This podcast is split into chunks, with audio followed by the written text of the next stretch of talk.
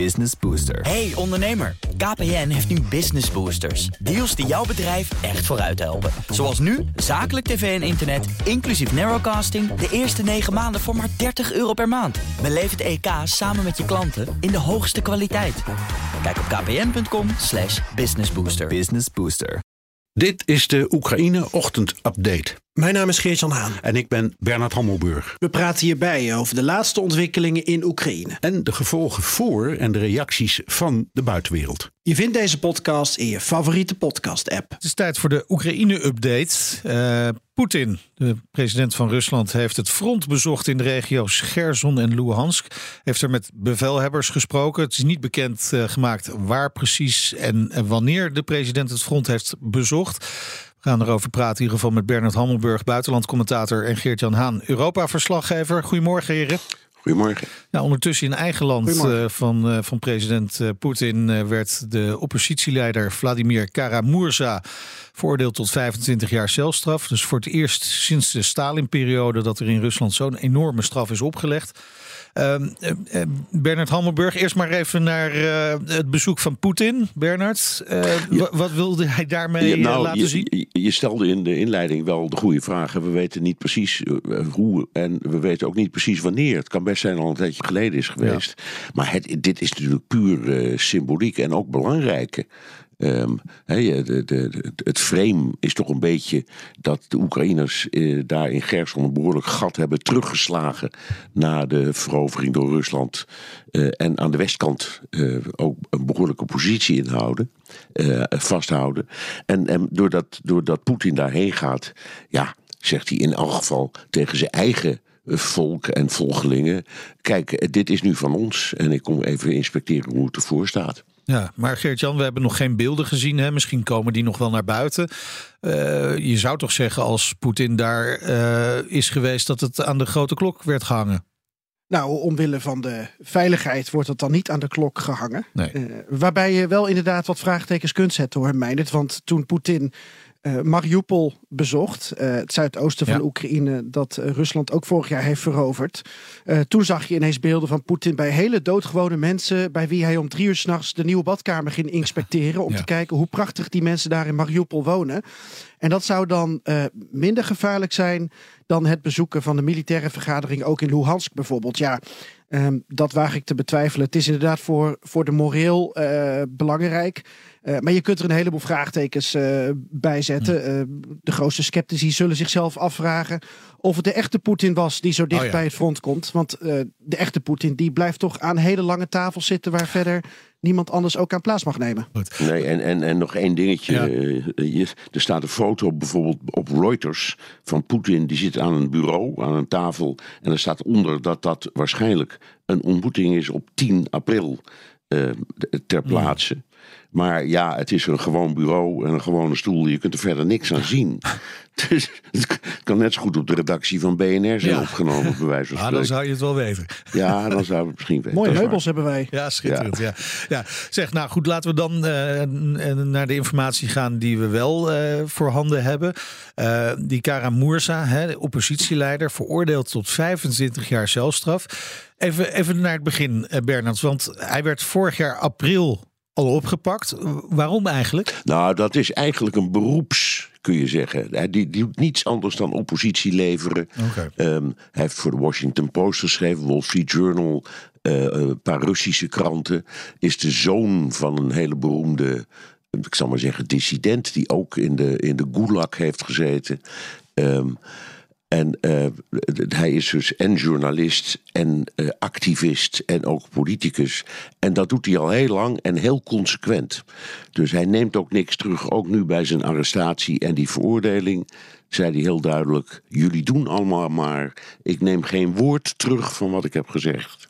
Dus het is een hele principiële en ook wel hele interessante man. Ja, maar goed, uh, wel 25 jaar uh, celstraf dus, uh, Geert-Jan. er werd, werd, nooit eerder zo'n hoge straf opgelegd aan voorgangers. Ja, misschien in, de Stalin, in het Stalin-tijdperk. Wat, wat betekent dat dat Rusland tot dit soort straffen overgaat? Nou, ten eerste, een gevangenisstraf in Rusland betekent in dit geval... hij gaat 25 jaar naar een strafkolonie. Ja. Dat is sowieso wat minder prettig dan hier ergens in Nederland... op een bedje met een tv zitten.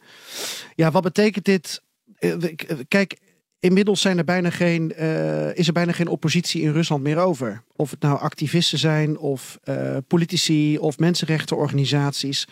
Eh, het wordt allemaal de kop ingedrukt, op welke manier dan ook. En dat is natuurlijk heel erg zorgelijk. Ik wil dan toch lichtpuntjes benoemen, als dat mag, Meindert. Jazeker. Want wat mij opviel, was ten eerste de, de perskamer.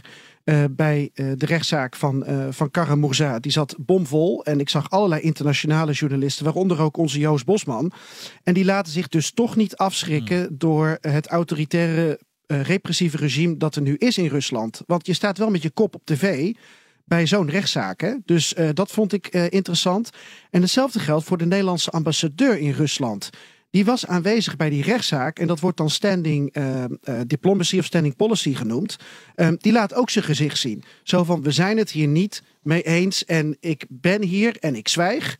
Maar door hier te zijn laat ik zien dat ik het er niet mee eens ben. En dat vond ik ook al een interessante ontwikkeling. Nog even een heel klein dingetje. Hij is ook Brit. Hè? Dus hij heeft de dubbele nationaliteit. Ja. En dat maakt het natuurlijk. Uh, de Britten zijn uh, voeren enorme actie. Hm. En daarin past ook wel de steun van de internationale gemeenschap, journalistiek of uh, diplomatiek. want het gaat ook gewoon om een Europese burger die is gepakt. Nou, Bernard, ik wil even naar een verhaal van de uh, Washington Post uh, van uh, nou, vannacht. Egypte had bijna, bijna raketten geleverd aan Rusland. Maar een diplomatiek offensief van Amerika zou een stokje hebben gesteken, gestoken voor die wapenleveringen. En daarna zou Egypte munitie zijn gaan maken voor Oekraïne. Als dat allemaal klopt, dan zou dat toch best wel bijzonder zijn. Dat zou best bijzonder zijn. En hebben de Amerikanen gebruik gemaakt van de positie die ze natuurlijk al hebben. Sinds, ik denk, eh, de Camp David-akkoorden uit de jaren zeventig. Want een onderdeel daarvan was dat vanaf dat moment Israël en Egypte allebei per jaar um, zoveel miljard dollar aan steun zouden krijgen. En dat is al die jaren voortgezet. voortgezet. En overigens, um, ik noem dat altijd een soort werkgelegenheidsprogramma. Want een groot deel van die steun die wordt dan weer gebruikt om Amerikaanse wapens te kopen. Dus het, het, het is niet helemaal um, zo. Uh, uh, uh, moet ik zeggen, zo, zo, het is, er zit een commerciële uh, achtergrond aan. Maar uh, ze hebben, volgens mij, als ik het goed begrijp, als de bericht goed leest, hebben ze daar gewoon eventjes, ze hebben de Egyptenaren de oren gewassen. Ja. Van jongens, jaren en jaren en jaren, jarenlang leef je op onze zak. Uh, wat dat betreft. Dus wil je alsjeblieft je even aan de regeltjes houden. En waarop de Egyptenaren gezegd moeten, gezegd moeten hebben: ja, dat is eigenlijk wel waar, laat het hmm. maar omdraaien. Dus we gaan nu niet voor Rusland aan de slag, maar voor Oekraïne. Overigens, het ging dan om 40.000 raketten die ze aan Rusland zouden leveren. Ik kan me niet voorstellen dat ze dat kunnen. Want dat is veel hoor. Dat is een hele grote productie. Ik denk dat ze dat helemaal niet kunnen. Goed, tot slot nog even naar eh, de boeren in Oost-Europa. Want ze hebben aardig wat ophef veroorzaakt over de graandeal.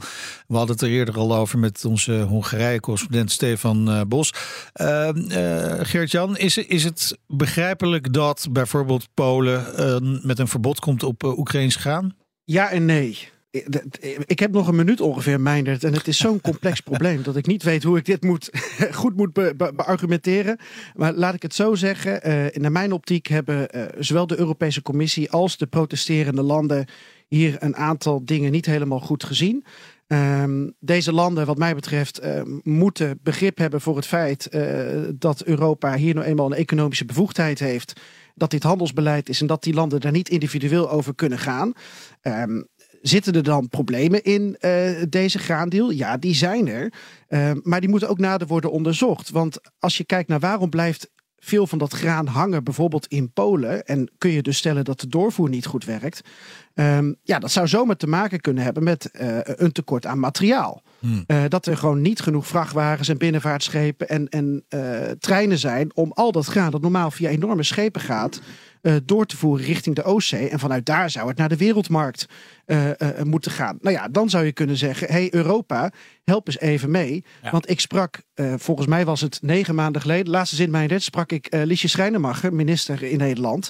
En die zei: Nou, Nederland gaat misschien ook wel helpen met die logistiek. Is dat dan gebeurd? Hebben wij dan ook onze containers en wagons en noem maar op geleverd aan Polen, zodat ze dat graan kunnen doorvoeren? Um, maar goed, dit was een van de acht argumenten die ik had opgeschreven. Dus eigenlijk moet dit vervolgd worden voor een seizoen 2. Goed, dank jullie wel voor nu. Geert-Jan Haan, Europa-verslaggever en Bernard Hammelburg, buitenland commentator. Business Booster. Hey ondernemer, KPN heeft nu Business Boosters. Deals die jouw bedrijf echt vooruit helpen. Zoals nu, zakelijk tv en internet, inclusief narrowcasting... de eerste 9 maanden voor maar 30 euro per maand. Beleef het EK samen met je klanten in de hoogste kwaliteit.